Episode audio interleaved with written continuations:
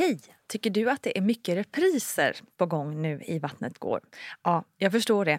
Det beror helt enkelt på att jag, Nina Campioni, just nu har en pop-up second hand i Modgallerian i Stockholm. Så min tid räcker helt enkelt inte tid att göra så många avsnitt som jag hade önskat. Men tills jag är tillbaka på full tid, kom gärna och hälsa på mig i Modgallerian. Vi ses! Hey, it's Ryan Reynolds, and I'm here with Keith, co star of my upcoming film, If, only in theaters, May 17th. Do you want to tell people the big news? All right, I'll do it. Sign up now and you'll get unlimited for $15 a month in six months of Paramount Plus Essential Plan on us. Mintmobile.com slash switch. Upfront payment of $45 equivalent to $15 per month. Unlimited over 40 gigabytes per month. Face lower speeds. Videos at 480p. Active Mint customers by 531.24 get six months of Paramount Plus Essential Plan. Auto renews after six months. Offer ends May 31st, 2024. Separate Paramount Plus registration required. Terms and conditions apply if rated PG. Ever catch yourself eating the same flavorless dinner three days in a row? Dreaming of something better? Well, HelloFresh is your guilt-free dream come true, baby. It's me, Gigi Palmer. Let's wake up those taste buds with hot, juicy pecan-crusted chicken or garlic butter shrimp scampi. Mm. Hello Fresh. Stop dreaming of all the delicious possibilities and dig in at HelloFresh.com. Let's get this dinner party started.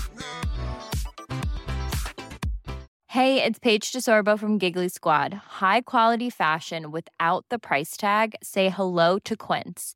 I'm snagging high-end essentials like cozy cashmere sweaters, sleek leather jackets, fine jewelry, and so much more. With Quince being 50 to 80% less than similar brands. And they partner with factories that prioritize safe, ethical, and responsible manufacturing. I love that. Luxury quality within reach. Go to quince.com slash style to get free shipping and 365 day returns on your next order. Quince.com slash style. Hiring for your small business? If you're not looking for professionals on LinkedIn, you're looking in the wrong place. That's like looking for your car keys in a fish tank. LinkedIn helps you hire professionals you can't find anywhere else, even those who aren't actively searching for a new job but might be open to the perfect role. In a given month, over 70% of LinkedIn users don't even visit other leading job sites. So start looking in the right place. With LinkedIn, you can hire professionals like a professional. Post your free job on linkedin.com slash people today. Och sen blir bebisens kurva bara rak. Eller ja, Dellas då, då. Och efter det, då liksom blev det ju, då bara rusade in sju, ja, det var väldigt mycket människor i varje fall i rummet. Varmt välkommen ska just du vara till veckans avsnitt av Vattnet går med mig Nina Campioni. Jag hoppas att du mår alldeles utmärkt och att du också är peppad på julen, precis som jag är. Och på tal om julen så vill jag tipsa om, ja, kanske är det årets julklapp. Nej, alltså det är inte ett stormkök, även om jag också gärna skulle vilja ha ett. Utan min och Gudrun Abascals bok med samma namn som podden Vattnet går alltså. Den är fullspäckad med supermaterial, frågor och svar, tips och fakta för dig som gravid. Eller till din kompis som är gravid. Eller till din bror som ska bli pappa för första gången. Hur som, alla blivande föräldrar kan med fördel läsa boken.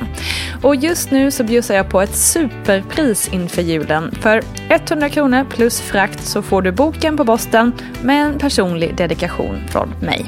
Det kanske kan vara något. Skicka i så fall ett mail direkt till vattnetgar.gmail.com så löser vi det vet jag.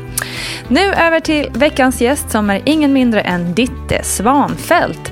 Ditte bloggar om livet som fyrabarnsmamma där dottern Della lever med en CP-skada. Om det, om funkisfamiljen, att bli mamma vid en ganska ung ålder och mycket annat ska vi prata om nu. Barnmorskan Gudruna Baskall är med på ett härligt hörn som alltid. Och jag vill återigen passa på att be om ursäkt för att ljudet är lite sviktande. I dessa tider är digitala inspelningar fantastiskt eftersom man kan faktiskt göra inspelningar överhuvudtaget. Men också tråkigt då ljudet ju naturligtvis blir lite lidande. Jag hoppas att ni har förståelse. Här kommer Ditte Svanfält. Hur gick dina tankar inför att bli mamma? Eh, ja, det var ju ett tag sedan alltså, jag tyckte bara att det skulle bli spännande och härligt. Och sen, eh, jag och David träffades ju ja, för 10-11 år sedan nu. Ja, ungefär. Och då hade ju han redan Julin. Mm. När jag kom in i, i hennes liv så var ju hon tre år, tre och Mm. ett halvt. Och då blev det liksom automatiskt att jag fick ta en mammaroll i det. Liksom. Ja, hur var det liksom? Ja, det var, det var också helt bara naturligt. Det känd, alltså, jag tänkte inte så mycket på det, utan det bara blev så. Och samma sak sen när jag blev gravid så var det också bara, ja men det var bara härligt. Mm.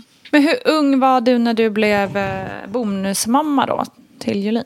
Mm, ja, jag var 19 år när vi träffades. Ja, för det är ju ändå rätt tidigt att, att få ett barn som dessutom inte liksom biologiskt är ens eget. Men det var inga, inga konstigheter. Nej, jag tycker inte det. Och David eh, har också sagt det i efterhand så här att han, alltså att han reflekterade över att jag ändå var ganska mogen för min ålder. Mm. Att det inte, det funkade väldigt bra helt enkelt. Skönt. Det kanske var sådär att du var meant to be. Ja, Men hur gammal var du sen då när det var dags att eh, bli gravid själv? jag fyllde 20 den sommaren vi träffades. Mm. Det, När hon föddes var jag fortfarande 20 men jag fyllde 21 när vi bodde på sjukhuset. Ja, just det. Men hur var det liksom? Var det planerat eller var du... Nej, Nej. det bara blev så också. blev. Alla våra graviditeter har bara blivit men det har varit väldigt välkommet. Ja. Så, så att det har alltid känts bra. ja.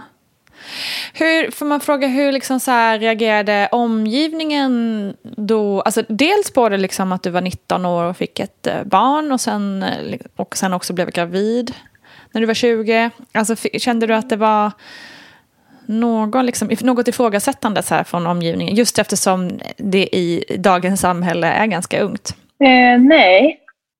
Jag var lite nervös att berätta det för mamma och pappa. Alltså Ja. när, jag var, när, vi, alltså när vi var gravida. Ja. Men eh, alltså, jag vet inte heller ifall kanske folk pratade och jag inte fick reda på det. Alltså, Ja, det vet det. jag inte. Ja, men det var ingen som sa liksom, något dömande så till oss eller mig. Och ingen så överdriven orolighet liksom. Nej, faktiskt. Som att ha bra support system. Ja, Ja. det tycker jag. Ja. Verkligen.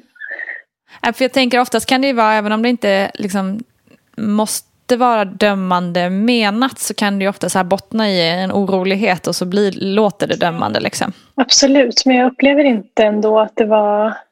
Alla blev bara väldigt glada när vi berättade det. Som Ja. det ska vara. Men eh, berätta, hur mådde du i den graviditeten? Eh, Jag mådde väldigt bra under eh, ja, hela graviditeten som jag gick. Alltså, det blev ju inte en hel graviditet, men Nej. under den, den stunden jag var gravid så kände jag ändå, eller ja, jag mådde bra. Mm. Eh, och ja, det var typ första, alltså första två, inte första två veckorna, men det var två veckor i, tidigt i graviditeten som jag blev väldigt sjuk. Okej. Eh, trodde typ att det var influensa eller någonting, för jag Mm. var liksom sängliggandes.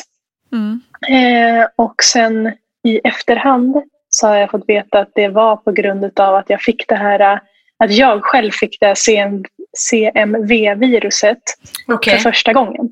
Eh, att det, liksom, det ligger latent i alla. Ja. Alla har det liggandes latent. Men under någon gång i livet så bryter det Ut liksom. ja, bryter, bryter ut. Ja. Mm. Och eh, ofta så gör det när man går på dagis. Och då är man typ bara lite förkyld eller får blåsor. Eller för det är ju herpes. Ah, okej. Så, men jag fick det då under ja, typ i vecka 10. Mm. Eh, och då tog det sig in till Della. Då. Eh, och på, alltså det det gör är typ att den eh, angriper hjärnan, viruset. Mm. Och om man typ har kommit över i vecka, eller vecka 26 tror jag det var, då har barnet liksom fått ett eget eh, immunförsvar eller så. Men Mm, innan mm. dess så le, har man ju samma. Mm. Så därför, eftersom det var så tidigt i graviditeten, så tog det sig in till Della och eh, gjorde så att eh, hon slutade växa, hennes hjärna slutade växa och så vidare. Vad är egentligen ett CMV-virus? Eh, om man ska översätta förkortningen så är det något som heter cytomegalovirus. Cytomegalovirus. Och det är en väldigt vanlig virusinfektion eh, som man har. Man, jag tror att man säger att ungefär 80 procent av alla alla har haft det någon gång så att säga. Det är ett form av herpesvirus, så att, säga. så att det är ett virus, om man får det så ligger det kvar i kroppen, men man får infektionen en gång och sen är det inte farligt. Ofta så ger det inte till oss, till, till vuxna, om vi nu utgår från gravida kvinnor, så har man inte så mycket symptom av det. Så att säga. Kanske känner sig lite förkyld, lite hängig eh, och så vidare. Ehm, och som sagt, så att det, man räknar med att ungefär 20-30 procent av kvinnorna som väntar barn inte har haft den här infektionen. Eh, sen så, så kan man säga att när ska man akta sig för det här? Ja, alltså det är, får man det under graviditeten så är det ingenting som är knepigt för, för kvinnan men däremot för, för barnet så kan det, det kan eh, leda till att man kan få ett missfall eller någonting sådär. Eh, så. Men, men eh, i den värsta av världar så kan det vara så att barnet kan få vissa hörselnedsättningar och lite andra sådana saker som inte är så bra.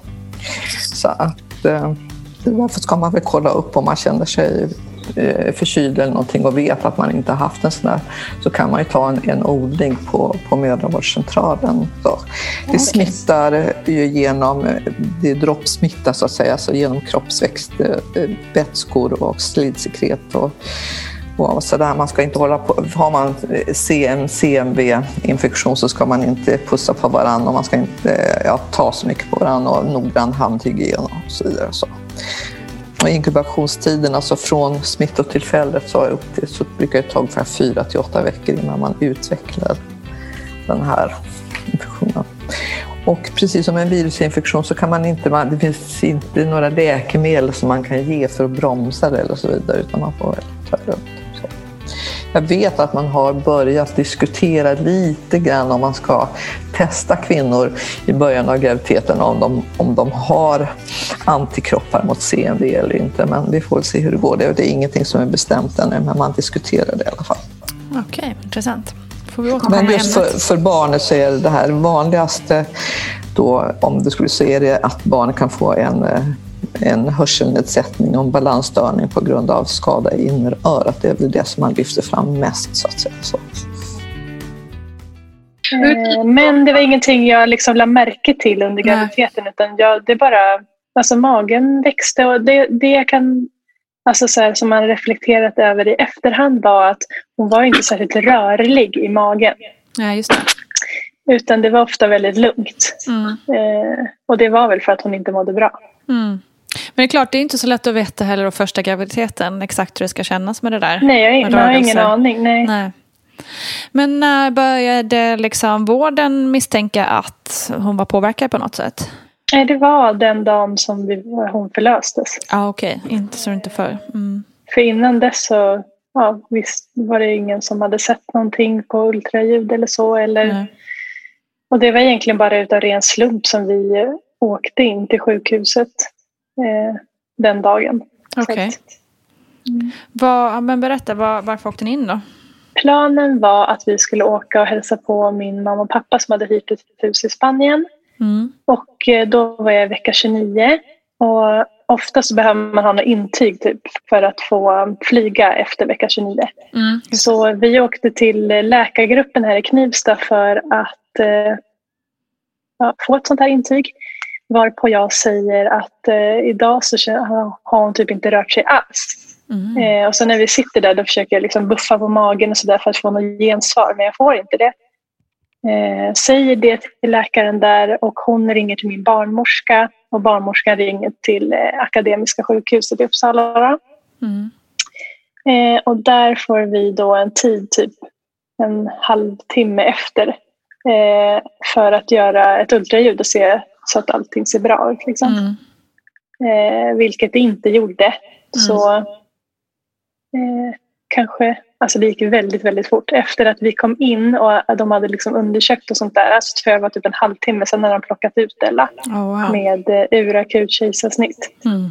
Så det var ju verkligen eh, kaos. Vilken chock. Mm. Mm. Vad fick ni för information liksom?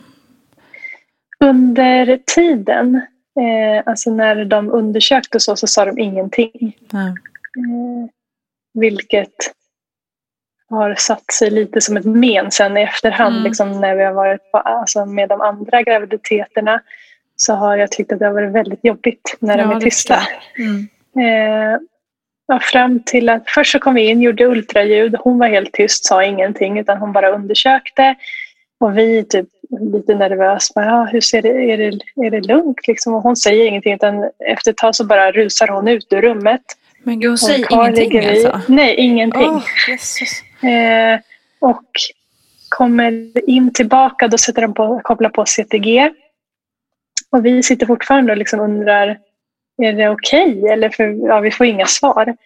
Eh, och hon säger, jag kan inte säga så mycket nu. Eh, går ut ur rummet och lämnar oss kvar där. Och först ser kurvan ganska bra ut. Liksom man ser mitt hjärtljud och bebisens hjärtljud. Och, och sen blir bebisens kurva bara rak. Eller ja, Gud. då. då. Men, eh, och efter det, då liksom blev det ju, då bara rusade in sju, ja, det var väldigt mycket människor i varje fall i Mm. rummet. Mm. Eh, koppla loss mig från det här och börja klä av mig och typ, ja, bara berättar i farten att vi måste förlösa dig nu med kejsarsnitt. Eh, och det var ju inte vad jag hade tänkt mig. Liksom. Så. Många jag pratat med upplever att eh, barnmorskan vid ultraljudet blir liksom lite tyst och inte kunnat eh, inom situationstecken föra sig så bra när någonting eh, är fel som man upptäcker då. Och i Dittes fall här i hennes berättelse så sprang barnmorskan bara ut ur rummet utan ett ord. Nog måste det väl vara så att barnmorskan som jobbar med just ultraljud kan agera lite proffsigare än så, även om man förstår att det är ett känslosamt läge även för dem. Ja, det är väl detta. När du beskriver det här och frågar så känns det att då vill jag inte säga att jag är barnmorska ens. Så presenterar mig. Jag tycker det är klart att det är jättetråkigt och att det blir väldigt starka reaktioner hos kvinnan och föräldrarna. Och naturligtvis så ska man, det är ju sånt där som ingår i utbildning om man, man eh, arbetar i, den här branschen, att lära sig hantera såna här eh, kritiska och traumatiska situationer så, så ska man ha utbildning. Sen har det ju mycket med personlighet att göra men absolut visst, visst ska man då kunna hantera såna här situationer på ett professionellt sätt, vilket det här inte var. Eh, Det har jag också pratat, frågat runt lite grann och så är det så att de barnmorskor som nu kör de har för mig att de säger ofta så vill de inte prata så mycket under tiden som de gör själva ultraljudet för att de alltså vill fokusera på bilden och verkligen se ordentligt vad det är innan man börjar, innan man berättar någonting. Så att den här första tystnaden, den kan man bara säga, men det kan man ju lätt förklara att du, när jag sätter mig i skärmen här så, så kommer inte jag att säga så mycket utan Ja. vill titta noggrant själv och så vidare. Om man professionell. Mm. professionell. Och sedan också så att om man, om man du, som de berättade för mig när jag frågade, så sen sa jag, om man ser att det är någonting som är inte som det ska, som man är tveksam, så hämtar man alltid en läkare som sedan får komma och berätta konkret vad det är. Men samtidigt så kan man inte bara resa på sig och gå, utan man måste tycker jag ändå informera om sig att här är det någonting som jag inte kan kan analysera på ett, på ett bra sätt. Eller det, jag måste be att få hjälp så att vi, vi, får ett bra, ni får ett bra svar. Inte vet jag, det här är bara sånt som jag kommer på just nu när du frågar. Men det är klart man måste prata och berätta så att säga, naturligtvis. Men det vanliga är sedan att det är att det är läkaren kommer in och sätter själva diagnosen. Men att man misstänker någonting, det måste man ju säga tycker jag. Så. Så att jag är jättetråkigt. Jag beklagar jättemycket att det blev på det viset. Så ska det inte vara. Alltså att det är känslomässigt samt för oss också, men det måste vi kunna hantera på ett professionellt sätt, självklart.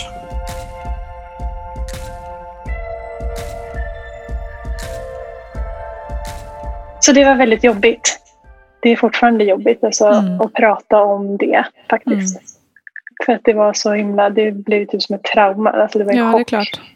Eh, just också eftersom att vi inte visste, alltså, jag vet inte om man hade kunnat förberett sig eller så, det vet jag inte. Men det var bara, vi hade ju ingen aning om att hon ens var dålig. Liksom. Nej, precis. Och sen så trodde vi absolut inte att vi skulle bli föräldrar. Alltså när vi åkte in då, för vi tänkte ju Nej, att ni skulle ju var ju väldigt lång tid kvar. Ja. Och sen efteråt när de hade förlöst henne så ligger jag kvar där. David får gå med henne till ett annat litet rum där de liksom opererar in typ sladdar i naveln på henne och för att fortfarande kunna ge henne mat via den Mm. vägen och så. Mm. Eh, och där låg jag och visste inte ifall hon levde. Eh, jag visste inte, ja men jag visste ingenting egentligen. Mm. Så det var också väldigt jobbigt. Ja, det är så ja, precis. Jag förstår att det måste ju varit fruktansvärt. Liksom. Och, det förvånar mig lite, eller förvånar mig inte, jag har hört det flera gånger. Det här att man får så dåligt med information. Ja. Ehm, och det känns också som något så här, det är ju A och O, det lär man ju sig tidigt. Liksom. Ja. Att ge så mycket information man bara kan i sådana här liksom, situationer. Även om man inte har någon information, att man liksom ändå pratar och liksom försöker säga att jag vet, äh, liksom ändå på något vis. Mm. Det är jätte, Men sen när jag hemskt. låg där och de skulle börja sy ihop mig igen, då var det en kvinna eh, som eh, liksom tog över Davids plats vid mitt huvud, eller man ska säga. Och hon var faktiskt jättebra. Hon typ pratade och, och lugnade mig. Och så här. För jag tyckte också att det var så otroligt alltså, äckligt och obehagligt det här med att någon hade öppnat upp min mage. Alltså, Jag Ja. kan fortfarande bli så jag vill kräkas bara jag tänker på det. För Mm. det bland det värsta jag vet med så här, sår och ja, Ja. så. Så Ja. det tyckte jag var jätte, jätte obehagligt. Och frågade flera gånger, är det klart snart? För jag, vill liksom, jag får panik av att ligga här och att de grötar runt. För jag kände ju ändå Mm. hur det liksom röck i magen och sånt där. Mm. Men hon var jättebra. Hon, hon lugnade mig ändå. Med, alltså det var ingen, jag fick ingen information men det var ändå en tröst att hon, ja, hon typ berättade om att hon hade gjort kejsarsnitt och alltså, ja, Mm. sådär. Alltså att hon Mm. ändå lugnade mig i den stunden. Mm. Eh, men sen åkte jag ju på uppvak och där fick jag också ligga själv. Ingen liksom kom och pratade med mig om vad som hade hänt utan ja, jag låg där och typ hoppades på att David kanske skulle komma snart. Mm. Men jag, hade, och jag kunde inte ringa till honom eller någonting så jag var bara ligga där och vänta. Eh, kommer också ihåg att jag typ ljög flera gånger. Jag bara, nu är min eh, epidur, den har släppt nu så jag, kan gå härifrån. Och hon bara, "Ja, kan du röra på tårna? Jag bara, nej det kan jag inte. så jag fick ju bara ligga där och vänta. Ja. Liksom. Ja, men fruktansvärt att bara få ligga där själv med sin egen ångest. Liksom. Ja, faktiskt.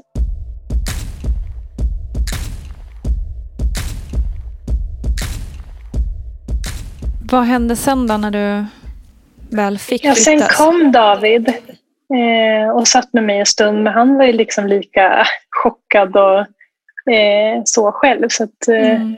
Men det var bara skönt att få, ha, att få vara med honom. Liksom. Mm. Vi, slippa vara själv. Eh, men sen eh, rullades vi upp till eh, rummet som gör, alltså på BB. Då. Eh, Della var då nere på neonatalintensiven. Mm. Eh, så sen när jag typ hade fått vila en stund så åkte vi ner till henne. Och sen så var vi ju där i typ ett år. Mm. Så att, eh, och första tiden var ändå ganska så oviss. För då, eller det var en, alltså hela året var väldigt oviss. För vi visste ju inte ifall att hon skulle överleva. Om vi skulle få åka Nej. med, eller hem med henne eller åka hem utan henne. Liksom. Mm. Eh, men första tiden så visste de inte vad det var som hade hänt. Okej. Eh, varför hon var dålig eller vad, vad det skulle liksom få för utfall den här eh, men, hjärnskadan. Liksom, eller att hon hade litet huvud. Mm. Hur var det den liksom, ovissheten? Ja, men den var väl, eh, det var väl jobbigast. Alltså så, så är det väl överlag. Man vill ju veta liksom. Mm. Så, och veta ifall att man kan göra något. Mm. Eller eh, det är också, eller, eh, jag tyckte att det var en läkare sa så här, och jag hade inte ens tänkt så innan han sa det, så det tyckte jag också var lite jobbigt. Men han sa så här, det är inte ditt fel att det blev så här. Och jag bara, nej, jag hade inte tänkt så när du sa det. Men nu börjar jag tänka så. Varför Ja. skulle det vara mitt fel? Ja. Ja. Men eh, då började jag ju tänka så. Ah. Men eh, så då innan man liksom visste vad det var så gick jag runt och tänkte bara kunde jag gjort något annorlunda? Mm. Eh, vad, vad var det jag hade gjort som hade gjort att det blev så här eh, och så Mm. vidare. Eh, men sen när vi, alltså, ja, vi sakta men säkert så började vi få lite mer svar på saker och ting och då så bestämde vi oss typ redan då. För de, det var väldigt negativt allting. Det var liksom bara, ja, det de berättade var ju typ bara skit. Ja. Inte så här, det kan bli ett bra liv ändå och Nej, bla bla bla. Utan det var ju bara hemskheter och ja, Ingen positiv eh, liksom, bild av hur, hur det skulle kunna bli. nej. Nej. Eh, så då så sa vi det, jag och David, när vi satt där en dag. Så, så, alltså, efter ett sånt möte med typ massa olika läkare så sa vi att det spelar fan ingen roll vad det är för hon har för någonting eller hur livet kommer bli. Bara hon kan vara glad så är det huvudsaken. Liksom. Resten löser sig. Mm. Eh, och så har det verkligen blivit. Jag tror ändå att det var en ganska bra grej att komma fram till tidigt. För då har det liksom känts att livet har känts lite lättare med Mm. allt jobbigt som ändå har varit. Liksom. Mm. Att ha en, liksom en målbild och en inställning som Ja, är positiv. Liksom. ja, jag tror att det är viktigt att man väljer sina tankar i jobbiga Mm. situationer. Mm. För, för att göra det lite lättare. Liksom. Mm. När ni väl liksom började få veta vad problemet var, hur kände ni då? Liksom? Förutom det här liksom målet som ni hade med glädje och så. Ja, men alltså, vi var ju mycket ledsna såklart. Mm.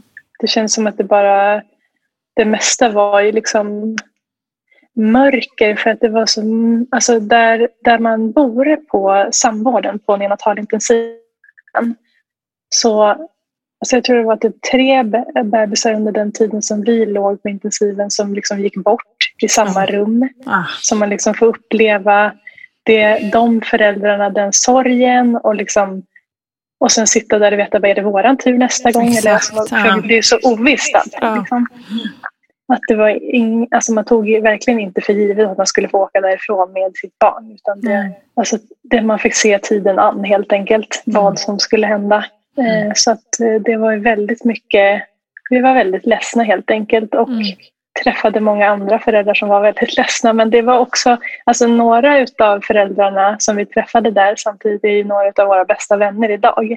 För att man har liksom delat en sån situation med varandra så ingen annan kan riktigt förstå vad det är man går igenom när man bor där. Och allt man får se liksom och så. Samtidigt så var det också så här, man firade typ varje litet framsteg. Som bara, åh idag så kunde vi byta blöjan utan att hon fick andnöd. Eller så här, alltså sådana saker. Eh, så det var också väldigt mycket, varje litet framsteg firades. Mm. Det är ju superviktigt, tänker jag. Ja, faktiskt. Hur var det att ha, för, för nu hade ni ju också en eh, Jolin Mm. samtidigt liksom. Gick det att kombinera alls? Eller hur, hur gick det? Mm, I början så var hon eh, väldigt mycket hos sin farmor och farfar och hos, hos min mamma och pappa. Mm. Eh, för det var ju typ fyra dagars karens om man skulle få komma in genom den här slussen. Så att man hade varit på till exempel förskola eller sådär som att alla barnen inne på avdelningen är så infektionskänsliga. Ah, ja, ja, just det. Eh, Men efter ett tag så beslutade vi att hon inte behövde gå på förskola för att vi skulle kunna ändå umgås som en familj. Liksom. Men det var inte heller jättekul för henne att vara där. Det är väldigt små rum och det är mycket liksom... Alla är väldigt sjuka. Mm. Eh, De barnen som ligger där. Så det var inte så härligt att vara där. Eh, Så hon var inte så mycket på sjukhuset. Utan hon var med ja, mamma och pappa och far, farfar.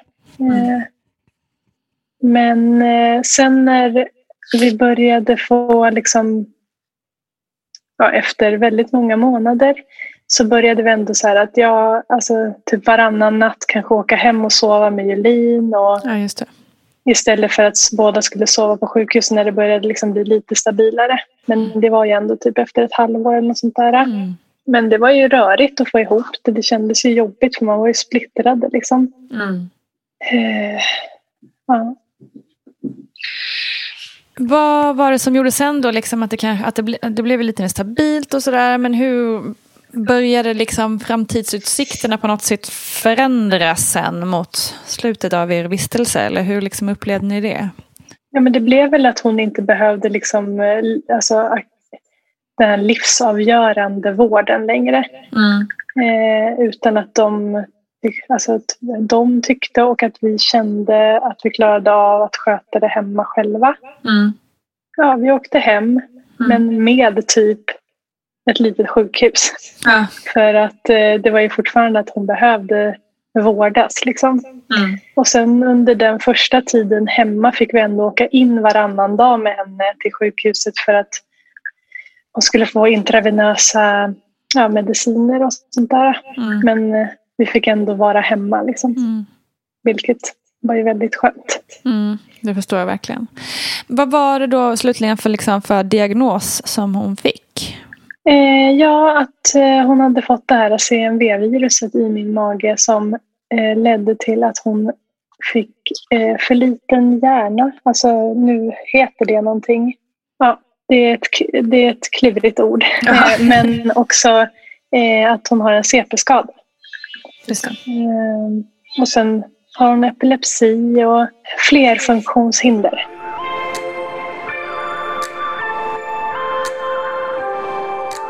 Alltså sen efter ett tag, eh, vi började med, eller min mamma började med att ta Della eh, typ tre till fyra nätter i veckan och då åkte vi dit med henne. Ja, just. Eh, så sov, eller ja, mamma sov inte då utan hon var, hon var med Della på nätterna så att vi skulle få sova utan de här ljuden ifrån Ja. alla apparater. Och, eh, och det var väl typ hela räddningen, tänker jag. Ja, gud vad bra. Dessutom så var det typ mamma som lagade mat åt oss. Och, så hon har verkligen varit en, en räddning i vårat Mm. kaos. Liksom. Mm, Så det var väldigt tur att hon finns. mm, Så, så började det. Men sen när vi förstod att vi kunde få hjälp liksom ifrån typ kommunen mm, så fick vi lite assistans. Eh, och då hade vi fyra timmar om dagen. Eh, och då började en av mina barndomsvänner att jobba med Della. mhm. Eh, så eh, hon, hon kom till oss ja, fyra timmar om dagen och hjälpte oss med så vi liksom fick men kanske bara vara med Julin utan att vårda Mm. Della. För det var ju så det Just var det. också. Det var ju liksom inte att vi fick vara föräldrar utan vi fick vårda henne. Mm, Och det tär ju också för att man påminns hela tiden om hur sjuk hon är. Mm. Och hur... Ja, det var bara väldigt jobbigt att behöva Mm. typ varje dag stå och blanda de här medicinerna och sen... Ja, så. Mm. det. Eh, Men sen när, alltså när hon blev lite ännu äldre då fick vi ännu mer assistans. Så då fick vi 24 timmar om dygnet. Mm. Men hur var det då att ha liksom eh, personer som inte är familjen så att säga i, i sitt hem hela tiden? Liksom? Ja, så i början så var det väldigt jobbigt. Mm. Och det kan fortfarande vara jobbigt, men det är liksom ett nödvändigt ont, eller vad man ska säga. Mm. För utan dem så hade vi inte klarat oss. Alltså, då hade Nej. vi varit blöta fläckar på golvet. Typ. Alltså, jag, då hade det inte, det hade inte funkat. Nej. Så det är väldigt, eh, jag är väldigt tacksam över att vi får den hjälpen. Mm. Och så tror jag, alltså helt ärligt tror jag inte att Della hade överlevt utan att vi hade fått hjälp. För att fram tills att hon var tre så hade vi en assistent. Mm. Eh, alltså 24 timmar om dygnet. Men vi var kanske fem stycken eh, som alltså gick i, i skiftar. Liksom. Mm. Eh, men då under ett år så hade hon åtta lunginflammationer som vi fick Oh, åka in wow. och ligga liksom på barnintensiven. Mm. Eh, och vi åkte typ ambulans eh, ja, varannan dag känns det som. Mm. Och eh, hon var väldigt, väldigt dålig. Men då efter det så fick vi ett nytt beslut, eller vi ansökte om att få ett nytt beslut att vi behövde dubbelassistans. För man Mm. behöver vara två för att kunna slemmobilisera henne eh, på rätt sätt så att hon inte ska få de här lunginflammationerna. Mm. Och då fick vi det. Och efter det så har vi peppar peppar inte behövt åka in på grund av att hon har lunginflammation. Så det känns ju som att det liksom var hela räddningen. Mm. För Mm. det är som sagt, man får bara se det som att det är en del av familjen. Ja, precis.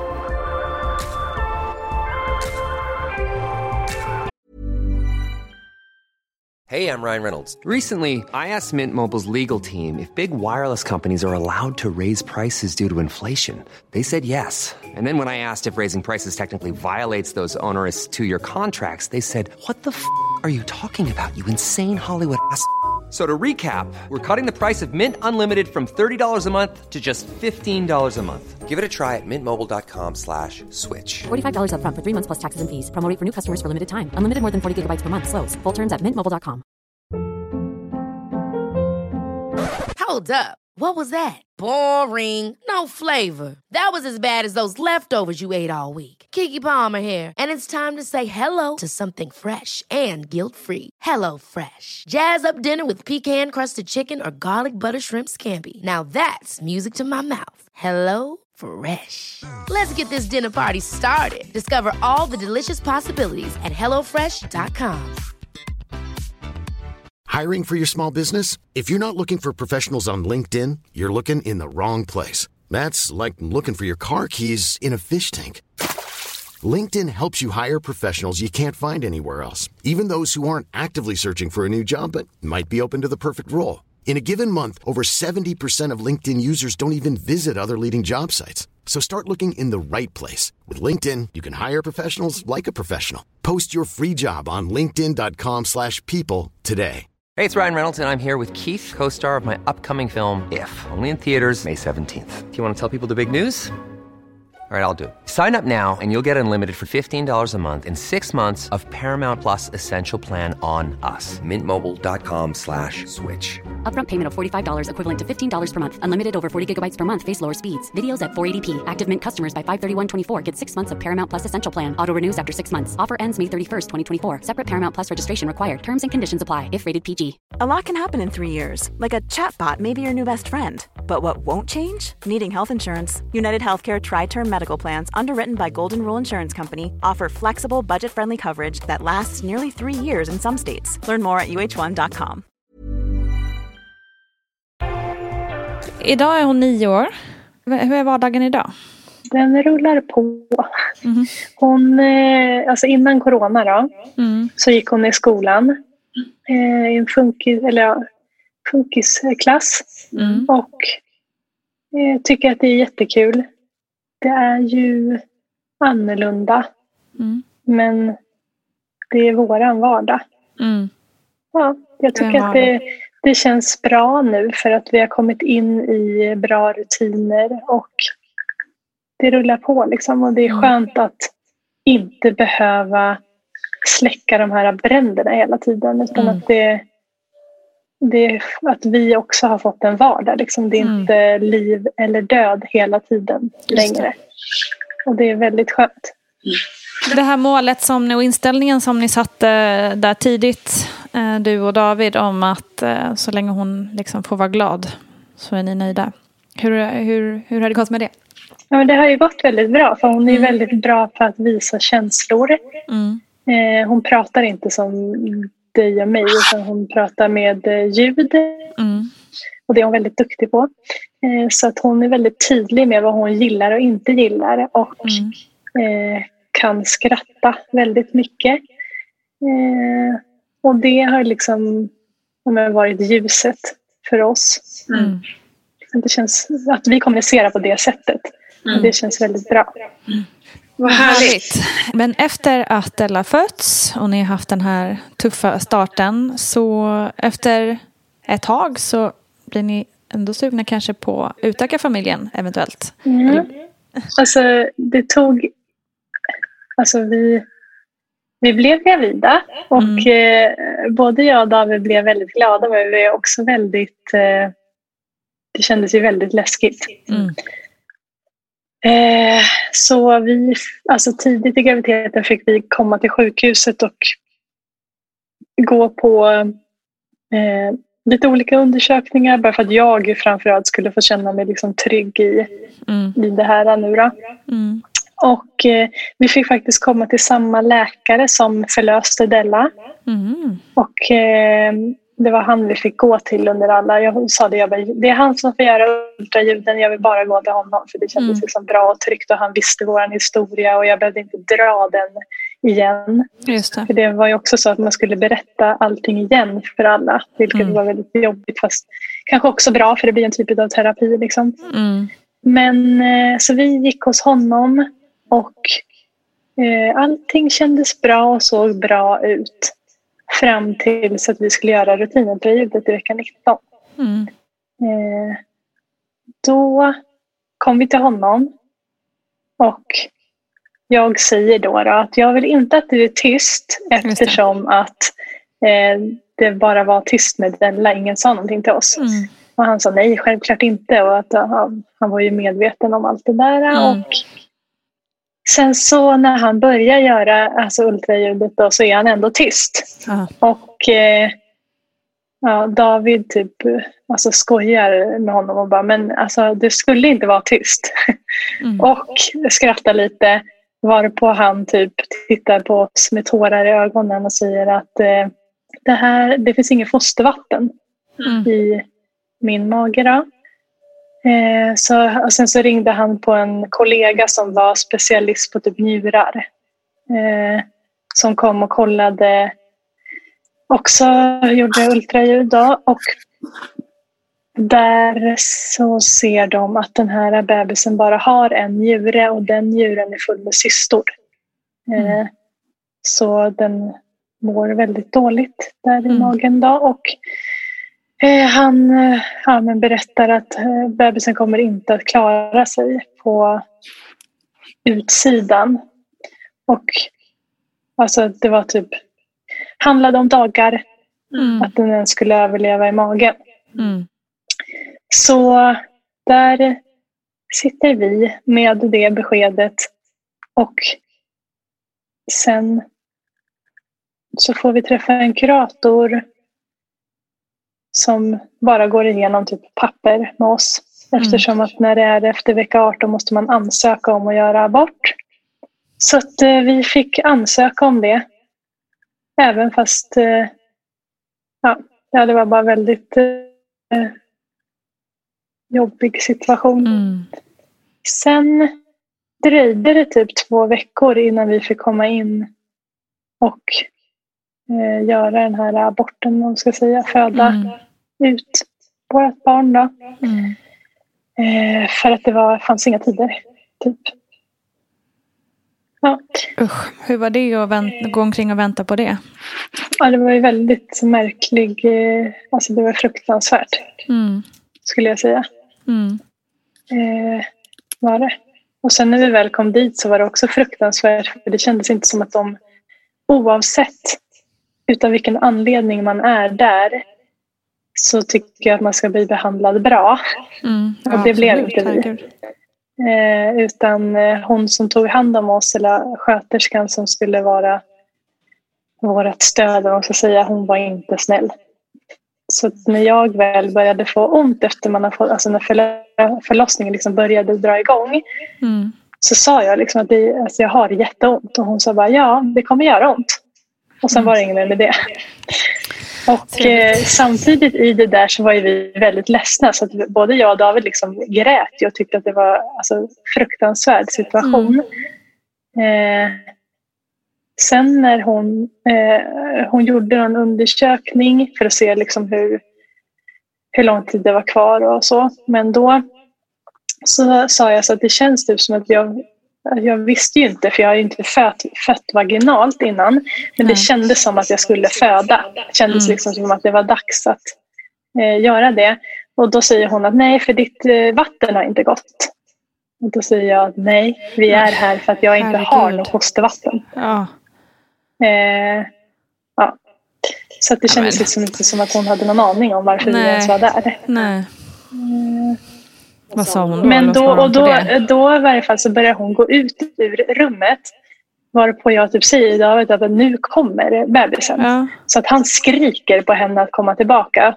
Och då kommer hon tillbaka och typ får bebisen liksom bara tar emot den. Så. Och om inte hon hade, alltså det hade inte varit, blivit så det hade blivit ännu hemskare upplevelse ifall att hon inte hade lyssnat på Ja. oss då också. Ja. För då hade ju David behövt att göra, Ja. alltså hjälpa mig med det. Liksom.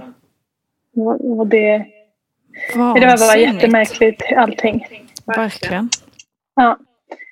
Eh, så Har ni fått någon återkoppling på det sen? Liksom? Någon ursäkt eller något? Nej, så... alltså för grejen var den att då var vi så himla vana vid att eh, se alla de här misstagen och träffa, det är ju ändå, de flesta har varit väldigt snälla och trevliga och så men det finns ju några som inte har varit helt hundra. Men vi orkade inte.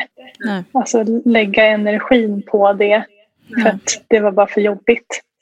Och sen så var vi bara så less på att vara på sjukhuset. Dessutom så under den här äh, förlossningen så var Della låg samtidigt på eh, akuten, på barnakuten för att hon var förkyld.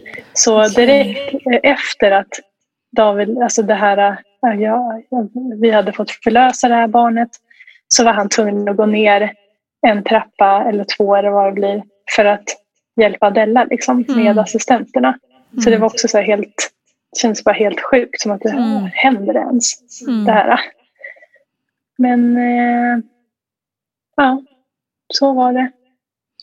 Har ni fått någon liksom hjälp mental, alltså mentalt med allt det här? För det känns som så här övermäktiga saker att bara vara med om. Ja, alltså det tog ändå ganska lång tid innan vi började prata med någon. Men nu går vi båda två eh, till samma faktiskt, KBT-terapeut. Mm, Eh, vi, går både, alltså, vi går själva och tillsammans. mm, Eh, vilket har varit väldigt, väldigt bra mm. faktiskt. Eh, så att, eh, det är väl så. Sen så pratar vi mycket med varandra. Mm. Vi har haft liksom bra stöd i min mamma och pappa. Eh, det har räckt så. Mm. Jag vet inte. Alltså, Det har fått gå liksom. gå, ja, precis. Vad, vad är eh, alternativen? Nej, Det är precis. bara så. Ja. Mm. Ni har ju haft så himla fullt upp också så det är inte så heller så lätt att bara pausa och sätta sig och lägga sig på golvet och gråta i tre veckor. Liksom. Nej, fast det gjorde Även vi fast man typ skulle vilja. det. När vi Ja. kom hem sen då var det typ som att vi stängde in oss i en bubbla och bara grinade Mm. dygnet runt i typ två veckor. Men vad bra ändå. Ja. Det känns som att man behöver ju det. Ja, verkligen. Mm.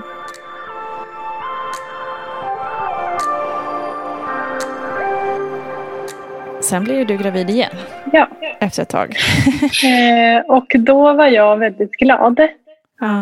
Eh, för då hade jag ändå gått in i den känslan och tanken att våga skaffa eller så här, Ja. försöka att få, att det skulle gå bra. Liksom. Och jag, ja, jag tyckte att det kändes bra och härligt samtidigt som jag var typ livrädd Ja. och eh, tyckte att det var väldigt jobbigt. Mm. Men eh, David tyckte inte att det var bra och härligt. Nej. Utan tyckte att det var eh, jättejobbigt. För att ja, allt som vi hade liksom gått igenom. Såklart. Eh, så fram till först, nej, vänta, inte första, utan, och det, här var, det var också väldigt skönt för då fick vi ha samma läkare under hela Dunis graviditet också. Mm. Eh, men fram tills att vi gjorde rutinultraljudet då ville David liksom inte ta in att jag var gravid utan det var Nej. bara så här, ja, det var, jag var, var jag var själv i det liksom. Ja, han garderade sig Men- liksom, känslomässigt. Ja, precis. Ja, verkligen. Mm. Eh, men sen när vi åkte därifrån efter det ultraljudet och allting såg bra ut så sa jag så här, det värsta som kan ha hänt är att du har varit glad i onödan. Eller att du, nej inte så. Just Du förstår vad jag menar. Ja, jag Ja. förstår vad du menar. Ja. Ja. Eh, och det, efter det så ändrade han inställning för då kände han väl också, ja det är ju sant. Mm. Eh, Men det är sjukt, jag är så, återigen så otroligt imponerad av din förmåga att ha en sån inställning ändå. Um, alltså du, du, du, du, allt det du säger känns ju så himla rätt. Ja, vad är alternativet till exempel? Bara, nej, exakt, vad är alternativet?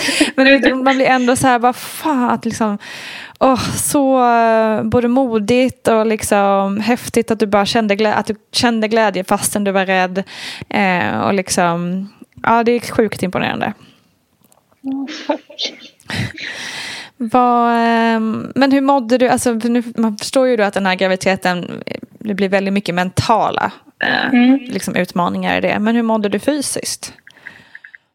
Eh, jag mådde bra. Det gjorde jag. Jag tycker att jag kände lite skillnad. Alltså från att jag var gravid med Della, för att då var jag ju yngre, även om jag mm. fortfarande var ung när jag var gravid med Duni. Men det kändes ändå mm. att jag liksom fick lite ondare i ryggen och typ sådana saker. Men det var... Mm. Annars mådde jag väldigt bra. Jag hade, ont i, alltså jag var, hade väldigt problem med att jag var förstoppad. Ah, alltså, okay. Så ont. Ibland trodde jag att nu föder jag. Ah, Fast det, det, var, det var bara att jag hade väldigt ont i magen. Ah. Du, förstoppning. Varför blir det lätt så under graviditeten? Ja, det här tycker jag är en jätteintressant fråga.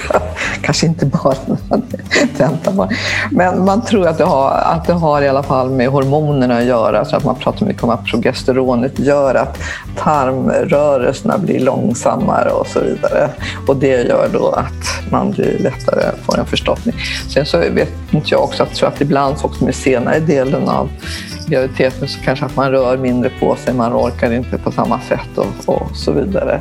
Så att här tycker jag att man ja, får vara observant själv så att säga. Och jag tror att en av kvinnorna som jag har sett kanske som mest smärtpåverkad i slutet av graviditeten som kom in.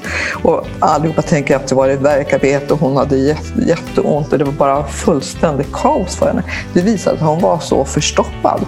Mm. Så att det var det som framkallade de här, för man kan få jätteproblem alltså med, med så att man, det är ingenting att skratta åt det här, utan tvärtom, man ska ta det på allvar. Och där tycker jag att där är det ju viktigt att man dricker, dricker ordentligt och att man, att man eh, äter rätt mycket fibrer. Mm. Och så finns det ju också på apoteket sådana typ fiber som man kan köpa för att få igång magen på ett bättre sätt. Alltså om sväller i magen så får det tarmarna att jobba med.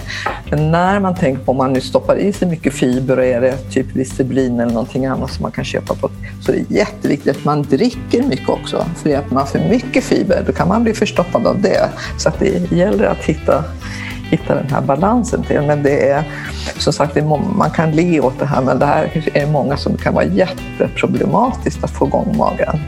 Och det är också då att ha regelbundna vanor och alltihopa och vara ute i god tid och inte vänta för länge tycker jag, som många gör. Att man väntar och ser hur det ska gå. Men dricka mycket fiber och röra på sig och tänka på vad man äter naturligtvis. Och eh, regelbundenhet är bra. Så det var väl det som var liksom jobbigt. Ja. Annars gick allting väldigt bra. Och det kändes liksom bra och så. Fram tills typ vecka 32 tror jag. Då skulle vi åka till Vemdalen på skidsemester. Mm. Och jag kände, alltså redan några dagar innan vi skulle åka, kände jag att nej, jag ska nog stanna hemma. För att det känns, det känns konstigt, det liksom trycker neråt. Mm. Eh, och då så bestämde vi att David och Jelin åker ändå. Vi åkte med några vänner. Så de åkte ändå eh, och jag stannade hemma med Della. Och eh, samma dag som de åkte så hade jag en tid på Aurora-mottagningen för jag mm. fick gå på sina samtal för att liksom mm. lugna mig inför den här förlossningen och mm. mina tankar liksom kring allting. Eh, och när jag kommer dit så säger jag det till henne, bara, det trycker liksom neråt och det känns konstigt. Så hon bara, ah, ja men då är det nog bra om vi alltså, undersöker. Eh, så då gör hon det och ser att eh, jag har typ så här, eh, livmodertappen har liksom utplånats eller vad man säger. Oj, så du är öppen?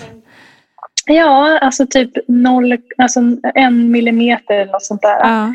Eh, eller 0, jag kommer inte ihåg vad det var. Det har i varje fall börjat öppna sig. Ja. Så hon säger att ja, nej men då får du stanna kvar här för du kommer ju förmodligen föda nu. Och jag bara, men vad i helvete. Det var inte vad jag ville. Eh, så då blir det ju jobbigt. Liksom. Så då ringer jag till David och typ grinar och bara, jag ska föda nu. Och han bara, men skärp dig. Och så jag bara, nej det är sant. De säger att jag kommer göra det ja, typ när som helst. Och eh, ja, det blir panik. Ja. Så nu skrattar jag så här i efterhand, men då grät jag. Det var ju liksom kaos. Ja, För jag kände också bara, fan ska jag vara själv? Exakt. Han är i Vemdalen, det är liksom Mm. typ sju timmar bort. Nej, men Mm. typ sex i alla fall. Eh, och han tror typ inte på mig så han ville du, prata med läkare. Så efter att han har fått prata med läkaren då bara, ah, får han också panik. och eh, jag ringer till mamma och pappa. Så mamma och pappa kommer till mig och sitter med mig på förlossningen hela kvällen. Och David har börjat åka liksom ifrån Vemdalen. Julin stannade med våra kompisar. Eh, och han börjar åka hem i hopp om att han liksom ska hinna fram i tid och så. Gud. Eh, och sen då när vi sitter där på förlossningen så säger de att ja, vi, har, vi har plats för Duni om hon föds nu. Mm. Men vi har inte plats för dig. Eh, så att eh, antingen då så får vi förlösa här och vi får liksom splittras. För då kommer hon behöva hamna på neonatalen Mm. eftersom det var för tidigt. Eh, eller så får ni båda åka upp till Falun Mm. Mm. med ambulans. Eller jag då eftersom hon var i min mage fortfarande. Mm. Eh, och så då beslutade vi oss för att jag ska åka till Falun. Mm. Eh, så mamma åker med mig i ambulansen till Falun den kvällen. Pappa åker i bil efter och David möter upp oss Kommer från andra hållet. Falun. Ja, Hur långt är det till Falun från där ni var? två timmar. Okej. Men det är ändå en Eh, bit, och det blev liksom. också närmare för David. Mm, just det. Eh, Att liksom, ja, det var nervöst för Mm. vi trodde ju liksom att när som helst så kan det dra igång här. Mm. Och ambulansföraren var ju typ minst lika nervös. Så han bara, ja, vi vill verkligen inte att du ska behöva föda här i ambulansen så vi kommer dra på. Och jag bara, Ja. okej. Ja, det var eh, inte heller en härlig upplevelse. Nej. Men eh, vi kommer fram där och sen så är vi i fadern i två veckor utan att Dini föds. Mhm. Okej. Eh, så till slut så får vi åka hem igen. För att då Okej. har vi kommit över vecka 35. Tror jag. Mm. Just Ja. det. det var kanske skönt på ett sätt då, men lite jobbigt att Nej, leva var- så naturligtvis. Det var jätteskönt. Men Mm. också jag jobbigt för att vi gick ju liksom varje timme och kände så här, ska, ska vi börja, ska det dra igång nu eller vad? Ja, exakt. Och hur blir det då och ja, så vidare. Men jag tror att det var på ett sätt också bra att vi kom till Falun för det var så lugnt. Ja. Eh, Det var inte alls samma som på sjukhuset i Uppsala. Utan vi var ju typ ensamma där och vi, vi fick sitta ner med läkare och typ prata i ja, en timme ibland. Och det var Mm. verkligen så här, wow, alltså att han tog sig tiden Mm. eh, och förklarade saker. Och det kändes bra faktiskt, även fast det var väldigt jobbigt. Mm. Men sen så kom hon en dag, nej hon kom den dagen hon skulle komma. Ah, Så att- Okej. Ja, Så hon bara lurade dig lite där. ja verkligen. Ja. Men gud vad skönt ändå. Alltså, jag fattar att det var- måste varit en sjuk- sjukt jobbig tid. Men Mm. skönt ändå efter alla dessa vändor som ni har haft. Att få liksom Ja. en något mer, vad ska man säga, normal inom situationstecken. Ja. Eh, förlossningstid i alla fall. Eftersom du fick kejsarsnitt och så, um, akut kejsarsnitt första gången och så. Var Mm. det snack om att få kejsarsnitt igen eller, eller var det Ja, men vaginal jag ville inte det. Nej, jag tänkte det också eftersom du tycker att det är jobbigt. Eh, Så i, alltså i största möjliga mån så skulle jag få, få föda vaginalt. Mm. Eh, och eh, ja, det fick jag. Så Mm. det kändes väldigt bra, Mm. tycker jag. Hur drog det Eh, igång? Min lilla syster förlorade den 26 mars. Mm. Så på kvällen hade vi varit ute och ätit med henne och alla hennes kompisar. Hon är väldigt mycket yngre än mig så det var liksom lite, ja det var fest. och där var vi och vi skojade typ om att tänka, ja, det är bra för det är nära till sjukhuset ifall att jag skulle liksom behöva föda. Men eh, vi, vi stannade ändå ganska länge. Eh, men sen kom vi hem, gick och la oss. Sen vaknade jag vid typ halv tolv utav att jag kände liksom att fan det gör ont verkligen. Och väcker David och säger jag tror att det liksom ja, att det är dags för, så du får ringa till sjukhuset. Vi skulle ringa innan eftersom att vi var Aurora-patienter skulle vi bli prioriterade.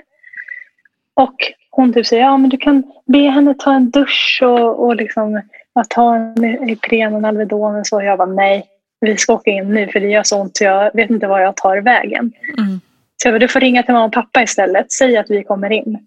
Ja, så ringer David till mamma och pappa och de liksom, ja, gör sig i ordning. Och, och, men de, nej, de, just det, de bor tio minut, bodde tio minuter ifrån oss då.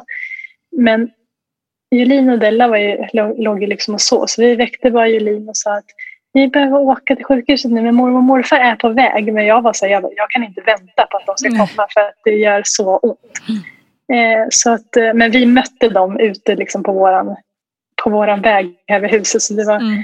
det gick ändå bra. Men sen kommer vi in ja, eh, strax efter det då. Och eh, då är jag öppen sju centimeter redan. Så Wow. det var ju liksom, jag hade ju Du hade ont. ont. Ja. Det var väldigt, eh, väldigt ont. Eh, Och sen eh, då var väl klockan typ ett. Så sen när kom hon 20 över tre. Okej, Så det gick wow. ändå väldigt fort. Ja, Ja. verkligen. Ja. Eh, och det kändes bra allting. Det, det gick bra och det, ja, det, var, det var bra. Det var precis när hon skulle komma, alltså sista liksom när jag skulle krysta ut henne som hennes eh, hjärtljud gick ner. Så då fick Okej. de liksom eh, hjälpa henne ut. Mm. Och det var inte så skönt sen efteråt. För det, Nej. jag sprack väldigt mycket Okej. då. Ja. Eh, Men förutom det så var det en väldigt, väldigt bra upplevelse och det kändes Mm. som att det, det behövdes. Det, Mm. ja, det är jag väldigt tacksam över, Mm. Det förstår jag. att det fick bli så. Mm. Fick du, men gick det bra sen efter, alltså, har du fått några men av eh, sprickorna och så? Nej, det har jag inte. Det var bara efter, alltså efteråt som det gjorde väldigt, väldigt Mm. ont. Mm. Eh, och ja, det var väldigt jobbigt. Mm. Mm. Men eh, nu så har jag inga problem med det. Mm. Men hur var det då när du fick upp henne på bröstet och allting hade gått liksom bra den här gången? Ja, det var ju en väldigt bra känsla. Och jättemärkligt.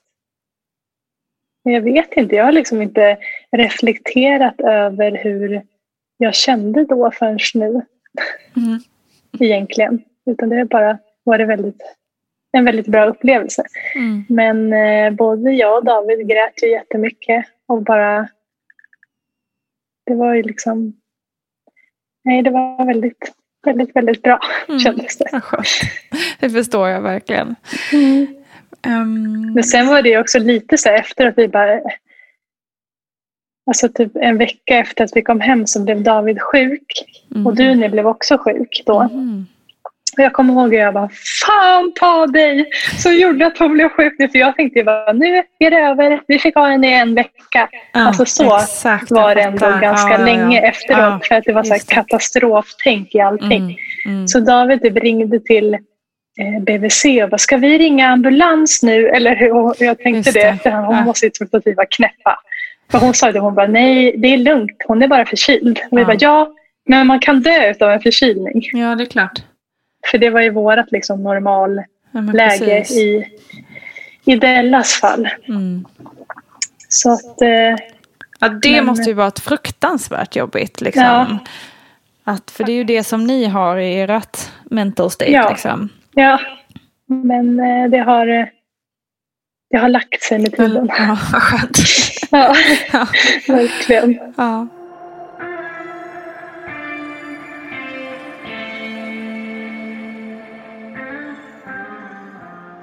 Men ehm, hur är det då liksom, jag tänker med Della och syskon och hur har det gått? Eh, väldigt bra. Alltså det, är ändå, det är ju såklart också speciellt men det är som jag sa tidigare så är det, det är så det ser ut hos oss så det blir ju Mm. inte så himla konstigt eller annorlunda heller. Nej. Utan det är bara det är vardag. Mm. Och vi kan inte alltid umgås alla tillsammans eftersom att Della är extra infektionskänslig och dessutom väldigt ljudkänslig. Så mm.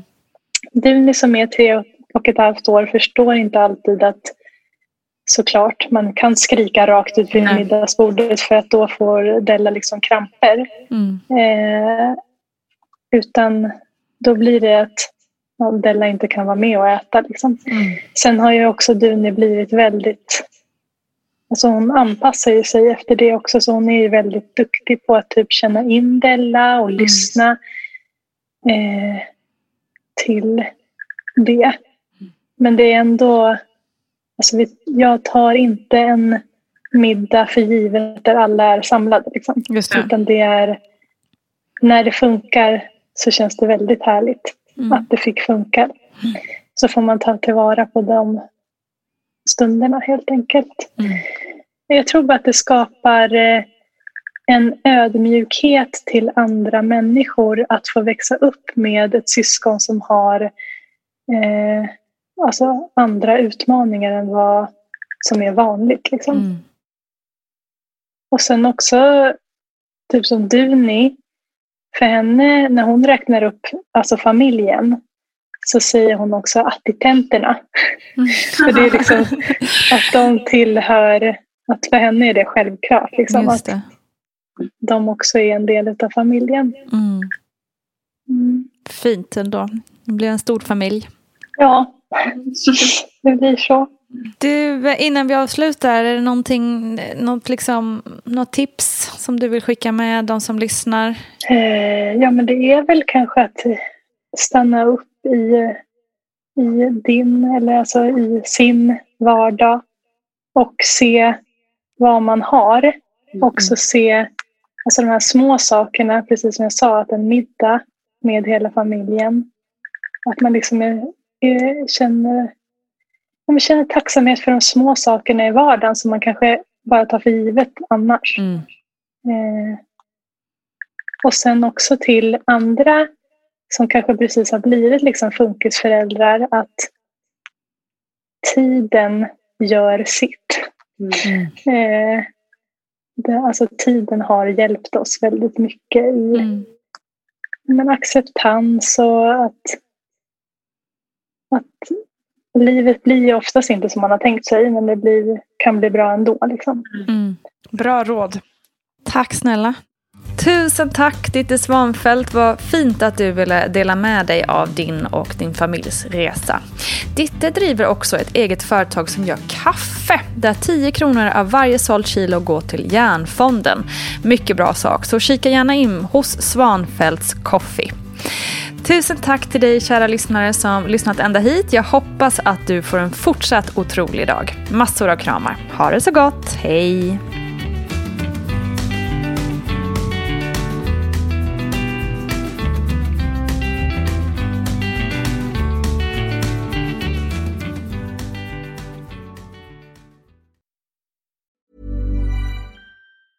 Hey, it's Danny Pellegrino from Everything Iconic.